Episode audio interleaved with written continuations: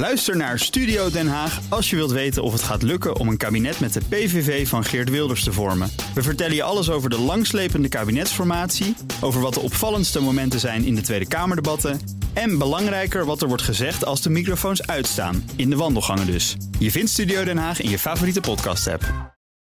De column van Bernard Hammelburg.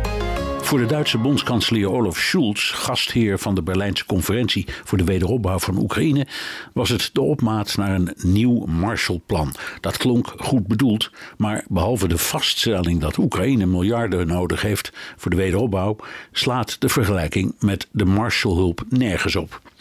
Het Marshallplan, dat liep van 1948 tot 1952, was een gift van één land, de Verenigde Staten, aan 16 Europese landen die onder de Tweede Wereldoorlog hadden geleden, waaronder Nederland. Het herstelplan voor Oekraïne is een collecte onder zo'n 30 landen om één land hulp te bieden. Het Marshallplan was geen lening, geen achtergestelde lening, geen voorschot. Het was een geschenk, maar het was ook strategisch heel goed doordacht en in sommige opzichten behoorlijk doortrapt. Het politieke doel was het creëren van een groep welvarende westerse landen die als buffer konden dienen tegen de Sovjet-Unie. De Koude Oorlog woedde al en dit was de economische invulling van alles dat ten westen lag van het ijzeren gordijn. Zo zat verborgen in de cijferbrei een post van 5% van het totaal voor de CIA om spionageposten in Europa op te bouwen. De CIA financierde er ook het anticommunistische verzetsleger in de Sovjetstaat Oekraïne mee, dat tot 1953 heeft bestaan en dat eerst tegen Hitler vocht en daarna tegen Stalin.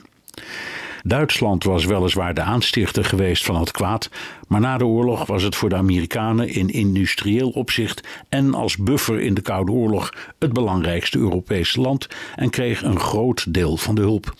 Het Verenigd Koninkrijk, Frankrijk en Italië waren de andere koplopers.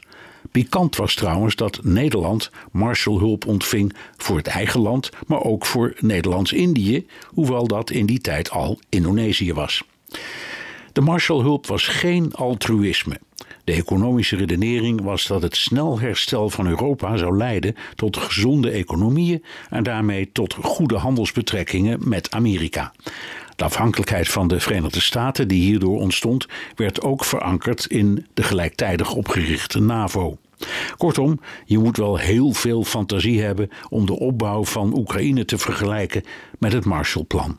Misschien op één punt na, een volledig door westerse inspanning op de been geholpen Oekraïne vormt een goede buffer tegen Rusland, dat zijn ware aard heeft laten zien.